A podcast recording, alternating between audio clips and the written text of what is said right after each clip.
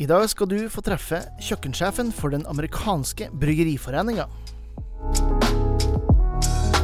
Hallo, hallo, hallo, ølgærninger, og velkommen til denne episoden av Ølprat, podkasten som leverer entusiasme og ølkunnskap rett i øret ditt. Mitt navn er som alltid Jørn Idar, og i dag har vi med oss en herremann som jeg har gleda meg til å ha med. En, eh, en, kokk. En bedre kokk enn meg. Ikke at det skal så veldig mye til. Men han er en brother in arms når det kommer til her med øl- og matmisjonering. Han er kjøkkensjef for Bryggeriforeninga i USA.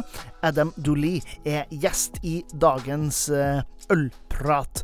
Eh, før vi setter i gang, jeg vil bare minne deg på at det er litt eh, halvvektig at du sier fra til en du kjenner om den podkasten sånn at vi får flere med oss. Vi har jo lyst til å ha så mange som mulig med på det øltoget her, og jo mer du deler det her med andre folk, jo morsommere tilbakemeldinger, spørsmål og innspill får jeg. Og dermed får vi òg en bedre podkast. Det er en såkalt vinn-vinn-vinn. Så husk å abonnere. Husk å dele podkasten med noen du er glad i. Nå er det nok babbel. Det er på tide å fylle kaffekoppen, eventuelt glasset, med noe høyt skummende, og lene deg tilbake for denne episoden av Ølprat.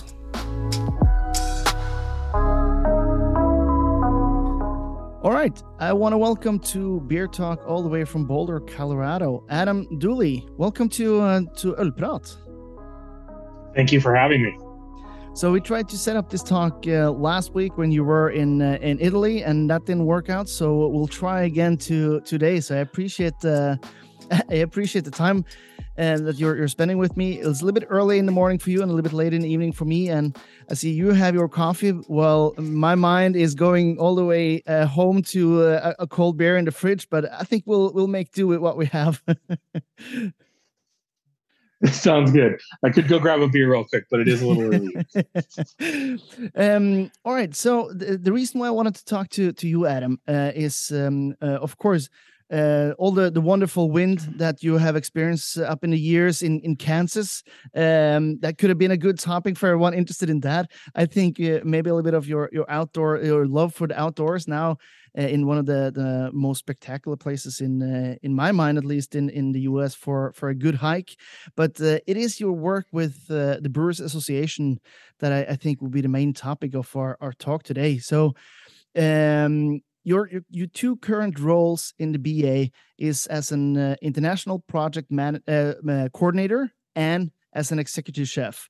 And want to go a little bit into to the first uh, or the last one first there um chef how how did you get started with your interest in in flavors and and food uh, in in particular I, honestly there was really nothing else that i ever really wanted to do uh started cooking from the you know the first job i was able to get at 14 and just kind of never stopped and went through culinary school and then uh, in the you know late 90s and early 2000s bounced around across the country and internationally just cooking and learning and that's kind of how this you know beer was never uh, an intentional path uh, until in Colorado when I met um, Charlie Papazian and Nancy Johnson with the Brewers Association, mm. and it, was one of those casual conversations where it was like, "Yeah, we should do something." I was like, "Yeah, we should do something," and then you leave and you're like, oh, okay, I don't, you know, maybe something will happen.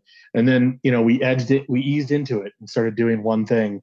Mm. Uh, and then it just kept building and building and building until about uh, somewhere in about 2017, uh, it became, you know, almost just a, a multiple kind of so many different avenues to explore of what's not only going on with beer and food, but what's going on with craft beer in the US and in the world. Mm. So you say the the beer thing happened a little bit by accident, but but uh, then my, my question to you is, uh, what were sort of your specialities when it came as a chef before the beer parts came into the to the world? What were some of your favorite ingredients to work with? You know, it was definitely the you know the the kind of classic statement of saying you know uh, seasonal menu, working with local producers. Um, very kind of a simplistic approach uh, uh, to it, and very frequently changing menus. And that's that's kind of a lot of the the chefs that I worked with coming up was what was learned was you work with what you have, you work with what's local, and and you just treat it very simply and kind.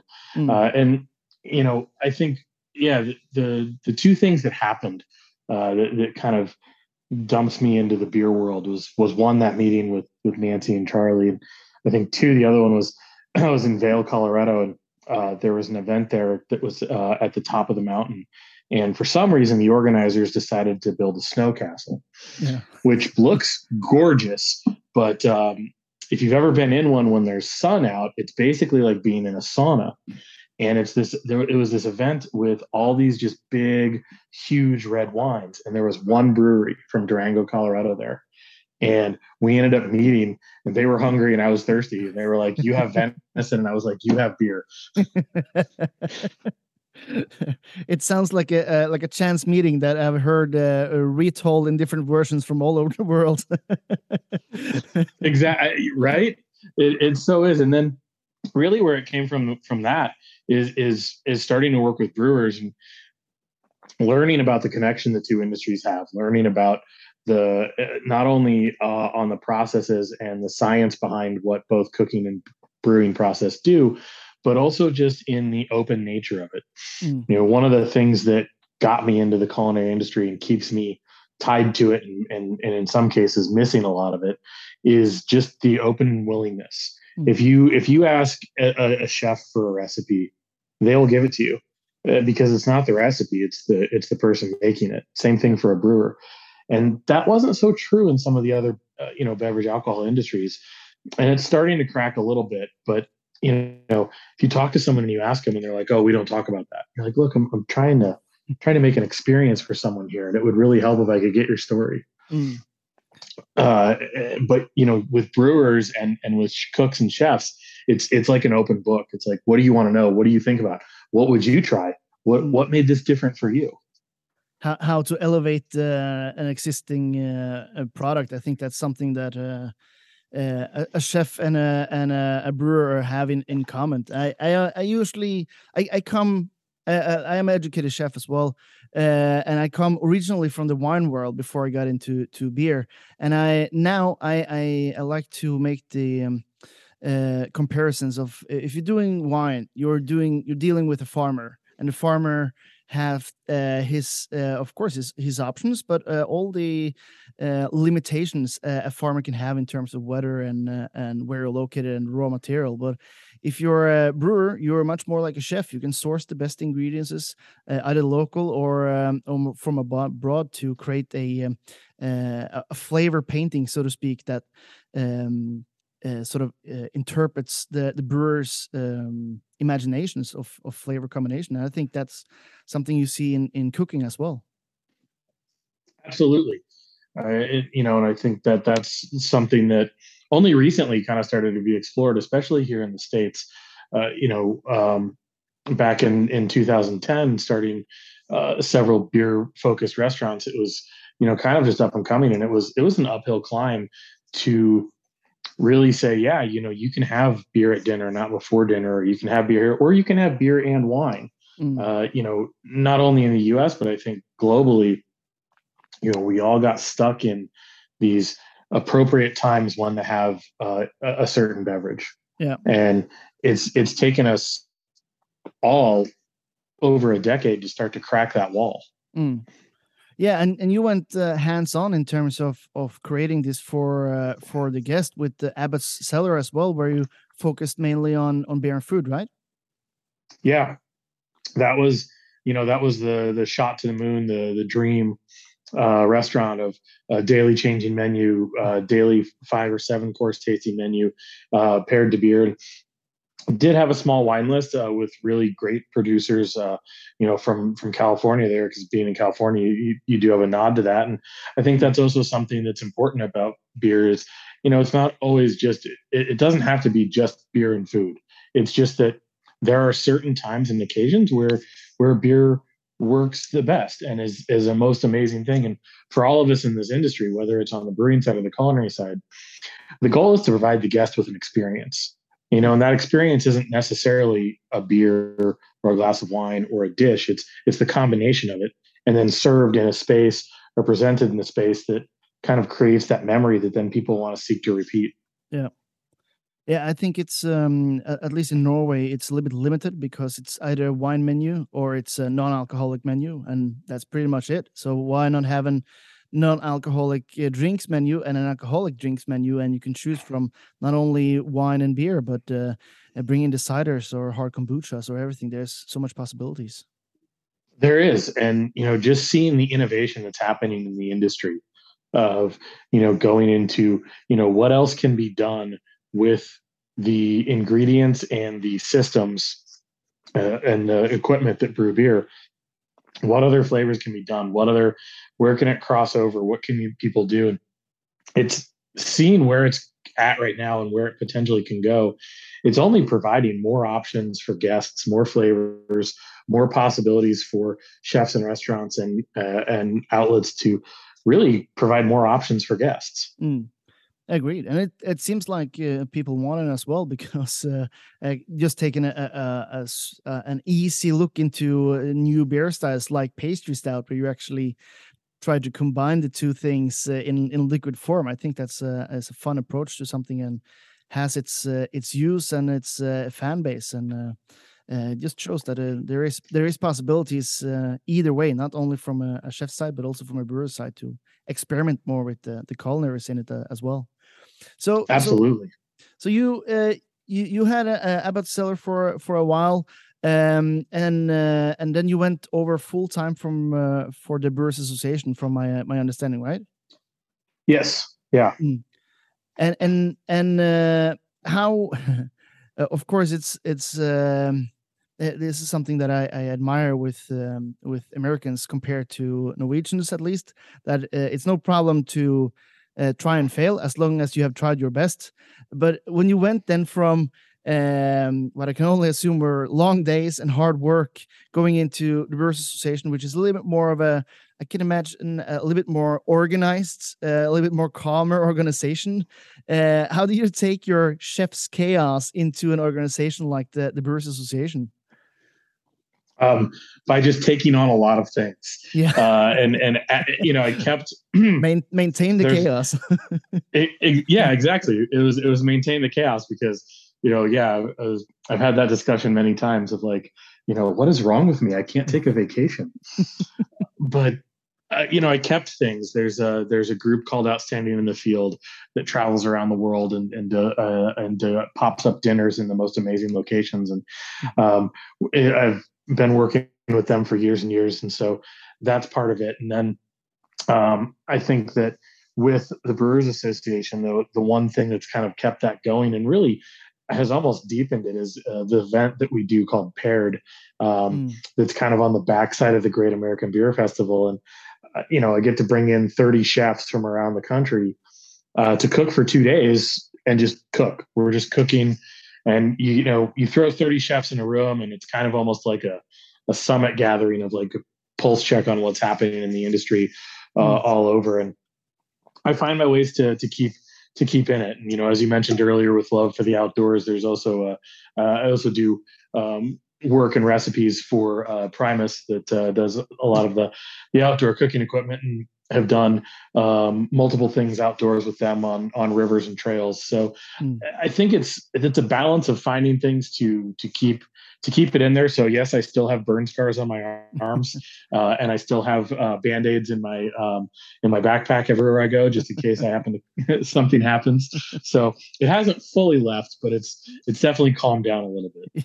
Yeah and and this role uh, of executive chef uh, for for the BA you have done since 2010, and one of the one of the events, one of the the things which I have uh, looked upon and and have on my to do list, and I've had for last uh, for the last few years is is Savor, um, this this beer and food event that you that you help uh, help organize. Um, can you share a little bit about the about um, the mentality of creating such an event where you um, deliberately uh, showcase food with beer in in the way you do?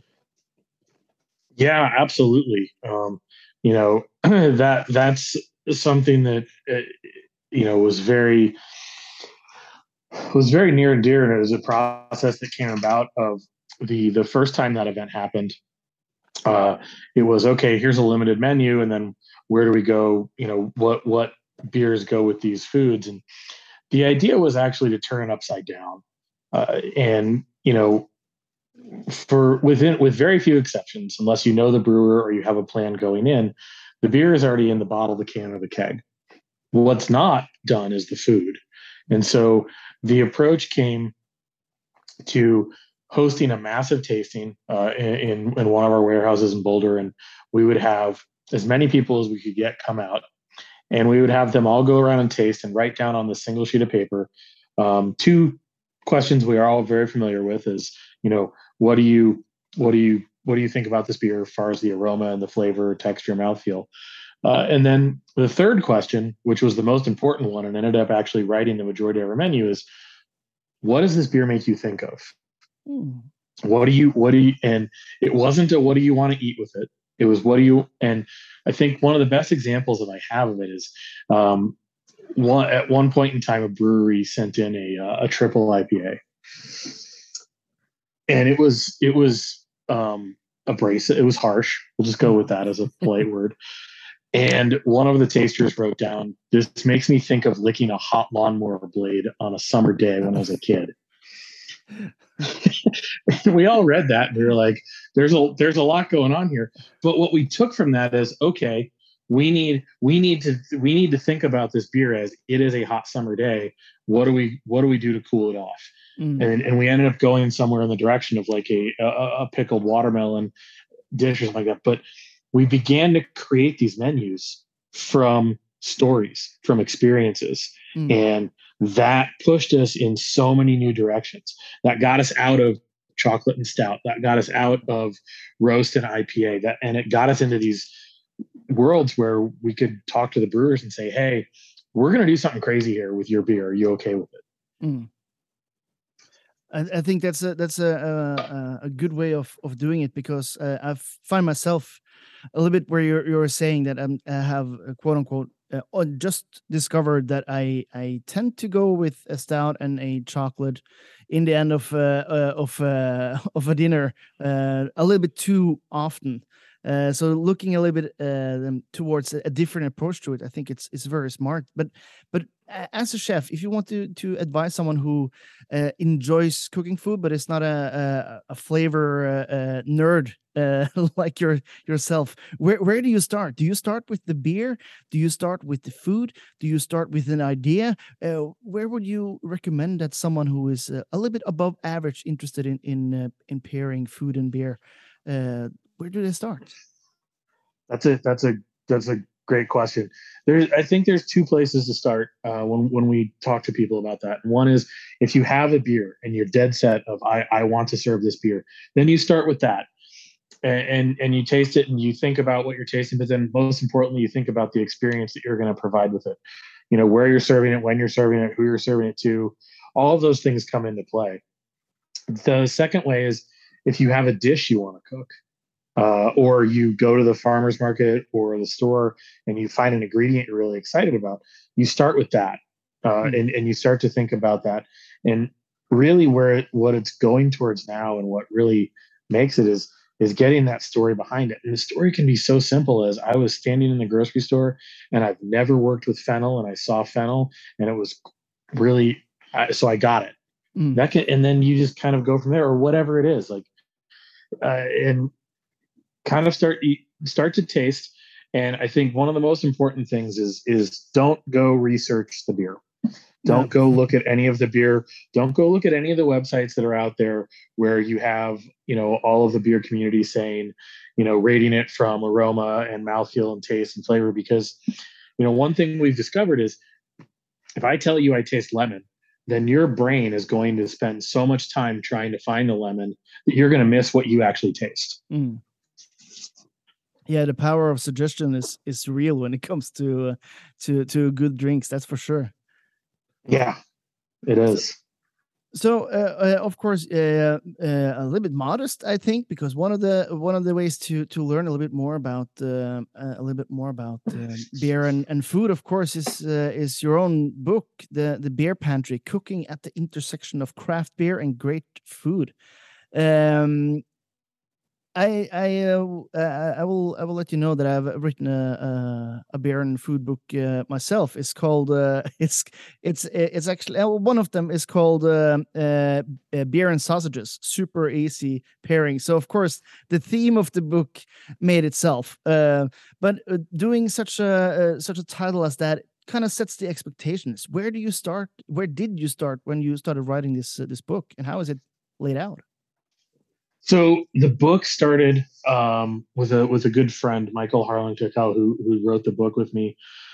It started as as an idea of of everything we've been talking about, from how we approached paired, how we talked to chefs, how we talked to breweries and brew pubs, and what it came what what it started from was we we didn't do ourselves any favors in the beer world by going, let's do this style, let's do this style, let's do this style, and on one hand, in the beer community, it's really cool to say, hey, there's over 113 recognized beer styles right now.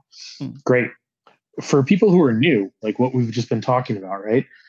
Uh, it's confusing, it's overwhelming, and a lot of times it makes people just go, okay, yeah, I, I, am not, I'm not doing that. I'm just going to have my Sauvignon Blanc. Mm. And so what we did is we took the the basis of the book was say, okay, we're going to take all of the beer and and make six categories. And we're going to use words that everybody knows. So we're going to use words like dark and roasty fruity and sour um, bitter and bold instead of these words that we created right? Mm-hmm. or that that somebody not in beer doesn't know. And so we started from that and then we went okay what recipes do we want to put in each category? And what styles can we say recommend there? And, and, really go kind of from that because you know a lot of people and I, you know you may have these same stories as well. You know IPA being the the most dominant and in some cases sought after style in the country and in arguably the world. Mm.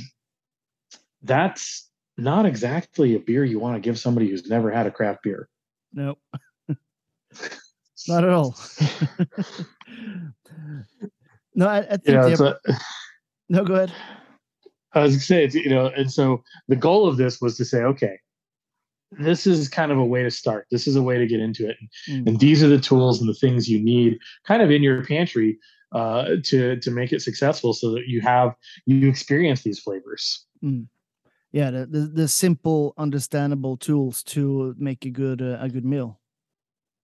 Yeah, mm. yeah, exactly a refreshing uh, a refreshing take on it. And I think it's um, it's it's interesting to to hear your talk now because uh, everything you're describing is I won't say dumbing down beer, but it's making it more approachable because within our sphere, and let's be honest, the quote unquote millions and millions of listeners I have on this podcast, uh, they're they're well uh, above average interested in beer, and I think it's a little bit uh, easy when you're in the the craft beer community to to remember that there is the majority of of beer drinkers uh, they have no idea the difference be- between uh, IBU and, and EBC. They don't know.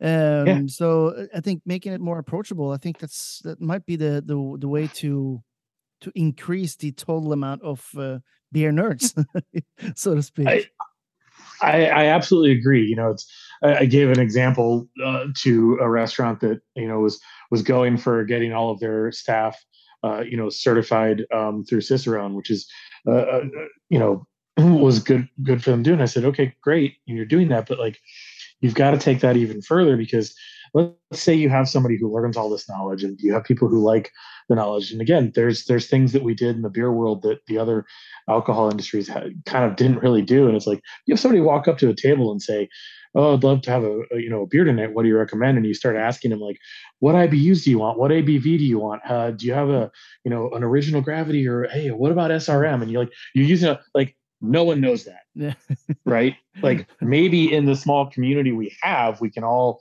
go with that and say you know this is how we do it and you know yes, all of the things we just I just said are relevant in how we would judge a beer, mm. but it's not relevant in how we would serve a beer to a guest, right? There's there's two different approaches there. And I think that's one of the main defining things is there's there's one avenue which is you evaluate the beer as an IPA and you go through the style guidelines or you go through what you know as an IPA. And the last question you ask yourself is, is this beer um, meeting the standards set by the style? And then you, you, you rate it based on that. Well, then there's a second way, which is you can go through all of that stuff. But then the last question is, do you like this beer? Mm. And that's that at the end of the day is the one that it gets people to come into the beer community because they're like, oh my God, yes, I do like this. Yeah. And now I want to know why. I think it's a good good way to do it. I uh, I, I uh, often get asked uh, on my tastings if uh, so. What's your favorite beer? And then I go like I I honestly can't tell you what my favorite beer in the world is, but I can tell you there is one style which I I don't enjoy myself, which is uh, dark sour beers. I have tried them all, and I can understand their value, but I, I, can't sort of um, my, my palate is not made for that and i know it. And then you go like but why do you drink it? Well be- because that's how you that's how you can make sure that you like something. But of course for me it's a little bit easier being in this in this industry to to have these discussions with with people why i like it and why i don't like it. Uh, but um, to in- include people in a more um, uh, yeah in a more uh, easy approachable way i think um, uh, it's easy to forget for for many people both both consumers but also breweries, restaurants, and and pubs in uh, in this day and age with with the selection that is available. Yeah, the selection is just daunting. Uh, you know, to to see what's out there, and I think that you know the the path forward you know as as, as what I, I tell operators of you know hotels restaurants bars pubs is you have to you have to have something for everyone you know, and, and and across all the flavors, and that includes even the wine and spirits or spirits, fo- you know, focused uh, beverages or cocktails. Like you can't just have, you know, what what you want anymore. You have to have mm. a large spectrum that crosses it. And I think like what you just said, like uh, really admire that because it's hard for people to say, here I know what I don't like and here's what it is because they want to go in and say, "Oh, I like everything." It's like, yeah, that's it's okay to not. But mm. like what what do you like and what do you want to seek out? Because yeah, there's there's absolutely styles out there. I agree with you that like yes, I'm in the same same boat with you. Like some of the dark sours, I'm just like, I it's, it, it's there. Mm. Um, same thing with some of the pastry stouts. You know, I completely respect that they have a place in it. It's amazing to watch what is happening uh, with the segment of of beer drinkers that they're bringing into the industry. Mm-hmm. Um, but if you ask me if I wanted to sit down and have a pint of a milkshake IPA, uh, it's probably not on the top of my list of things to do right now. Even this early in the morning. exactly. so, uh, a little bit uh, towards your role now. Of course, we, we talked a lot about the food food side of uh, of uh, the Brewers Association, but the the, the longer, uh, more intriguing title for a lot of people is the International Project Coordinator. Um, and and uh, can you can you just give us a, a little a little glimpse into what this role uh, offers you uh, uh, from a day to day basis? Yeah. So you know this this actually started um, with food, to be mm. honest. Um, so you know through through this, uh, you know uh, the Brewers Association has has an arm that works to um, increase awareness of American crafts around the world and, and potentially make relationships for uh, you know those beers to get into international markets. And one of the ways that kind of learned early on to do that was when you when you when you bring beer to someone, no matter where it is in the world, and they're not familiar with it. One of the easiest ways to introduce that to somebody is to also have something familiar to them. Mm. And food is a great connector for that, right? Because so you know, good example would be, you know, um, started going into the French market um, probably six or seven years ago and found some great people to work with there. And the the way in was by doing a series of dinners with with chefs there and cooking what was currently happening in Paris cuisine there mm-hmm. with American craft beers. And then all of a sudden people under, began to understand the flavors. Uh, and then that kind of grew out from out of that to where it became just getting to know uh, again as you've said you know we're such a small community worldwide even getting to know everybody uh, that that kind of travels the global beer circuit and starting to do things and so it started it just grew as did from starting the one event back in in 2010 that it just it just grew into this position uh, of being able to travel around the world and talk to people about what's happening uh, in in the American craft beer scene and work with brewers in the US as well to see where in the world their beer could potentially have a fit. Mm. So it's a, it's a pretty um, it's a pretty vast market you're working with because international is a, it's a pretty pretty big area for for a US brewer. Yeah, it it it can I think that can be daunting for anyone because it's like if if you start to think about that, you're like, where do I go? And then you're like, oh, oh geez, you know. in some cases, it's uh, and again, it all comes back to having a connection. You know, mm. I think the the biggest thing for growing our our craft beer world is is for those of us that travel uh, and, and get out there because there's something to be said for uh, having that conversation and being able to have a beer together that kind of changes uh, an understanding of of you know what what and where that beer can fit in. Mm. Yeah, I, I, think that's um, I, I, think that's one of the things which is a little bit easy to forget, but uh, the the way the way the, the the craft beer scene is evolving is all about sharing connections um, the styles brought from uh, from Europe to the US transformed into something that uh, Europeans are taking back, like the IPA as an example, um, as all these uh, interesting new creative styles and ways of, of doing things. I um, uh, sharing this is um, it's it's the way, only only way to to keep it evolving. I think. Yeah, absolutely.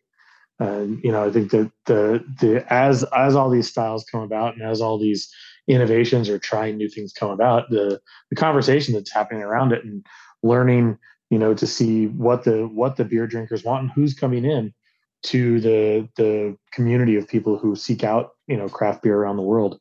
It's it's pretty amazing to see what's happening right now. Mm. I'll, uh, I'll uh, we'll start wrapping things up here a little bit, but uh, uh, I just want to ask you. We've talked a little bit about uh, your your work with with beer and food, but if you want to give some some advice for uh, someone who wants to experience uh, experiment a little bit more with with beer and and food, um, do you have any like easy go tos that you can uh, can share with the listeners?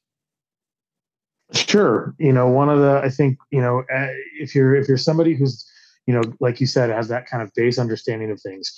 You know, the next level to take it into is really exploring the relationship between how beer is brewed and how food is cooked. One of the first ones that it goes into there is something that's called the Maillard reaction, uh, and that's a process that happens both in um, brewing and in cooking. And so, really starting to tie those together. So, finding a beer uh, and focusing on the malt. I know I just said malt. Everybody was like, "What? You're not playing with the hops?" those are there and they're fun, but there's a lot that's in the base of the malt. Mm. And I think that one of the things there is you look at uh, a roast, you know, roasting something or baking bread or, you know, what develops the Maillard reaction in, in proteins and cooking. And you start to play off of that. And really, that's the next level is go deeper into kind of the other ingredients that are in beer there. You know, another one is to play off the carbonation as well, too you know that's one that a lot of people overlook sometimes.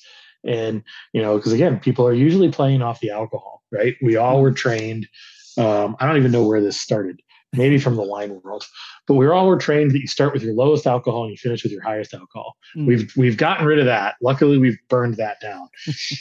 You know and then we went into okay then go into flavor intensity which was kind of the same thing as saying alcohol. Mm. uh, and now it and now it's like okay well how do the how do palates work Mm. And so it, it, you know, I think carbonation is one of the most fascinating things to be able to play with and, and all the different levels of carbonation that cross over all the beer styles. Mm. So paying attention to those two things, I think are something that a lot of people overlook.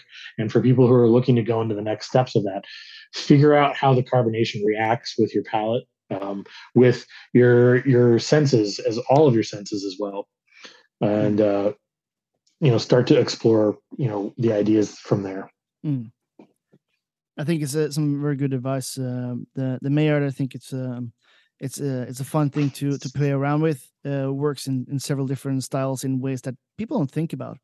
Um, like like uh, Flemish Brown, for instance. Uh, perfect example where you have uh, both Maillard and a little bit of acidity, uh, which works in in ways that a, a, red wine can work with meat, for instance, without people thinking that that isn't obvious. So, some some good advices there. Um, yeah, I, uh, I, for my personal sake, could have this conversation for hours. Uh, but then again, I have some listeners to to take care of as well. Um, so I will not uh, not take uh, so much more of your time, Adam. But um, I will ask you the one question that I ask every guest on the show, and I don't think I can think of anyone that is more appropriate of answering this than you. And that is as simple and as complex as you get it. If you were to choose a good beer and food combination for yourself uh, today, what would you choose?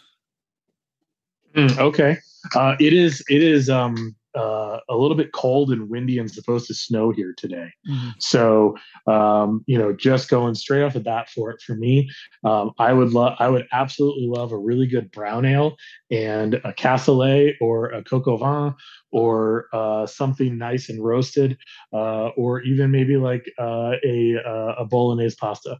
Mm. I could keep going. I'm just going to stop there because now I'm getting hungry. I'm going to completely skip everything today. But uh, for today, uh, for today, I'm feeling a brown ale. uh, for, for me, uh, every day sounds like a brown ale day. So uh, I 100% agree with you there. Adam, thank you very much for for the talk and for your inspiration. And uh, yeah, look forward to to following your your work, um, both on craftbeer.com where you do a contribute, and uh, and hopefully over a, a, a nice glass of beer in in near future. Absolutely, looking forward to it. Yeah, thank you for the talk. Cheers. Tusen takk til Adam for en meget hyggelig og egentlig sånn sultedrivende prat. Og ikke minst, tusen takk til dere som hører på. Eh, jeg får be deg om en bitte liten tjeneste helt, helt på slutten her, og det er at du går inn på den podkastappen du er, og rate denne episoden. Altså, legg igjen gjerne en kommentar om eh, podkasten, sånn at de som er interessert i øl, går inn og søker øl, får opp din tilbakemelding, så de vet at de får ordentlig entusiasme og ølkunnskap i ørene sine. Eh, de hører jo at jeg sier det men de vil gjerne lese at du eh, syns du får, da. Så gå inn og gjør det. Og hvis du ikke har en app med ratingfunksjon, gå inn på Apple Podcast og gjør det samme der. For da hjelper virkelig på algoritmegudenes arbeid med å få enda mer podkast ut til verden. Nå gjenstår det bare for meg å ja, egentlig gå og finne meg noe å spise, for at eh, ja, jeg ble sulten av den praten her. Så eh, fram til neste gang vi høres, så får du huske det at eh, livet, det er alt altfor kort for å drikke dårlig øl.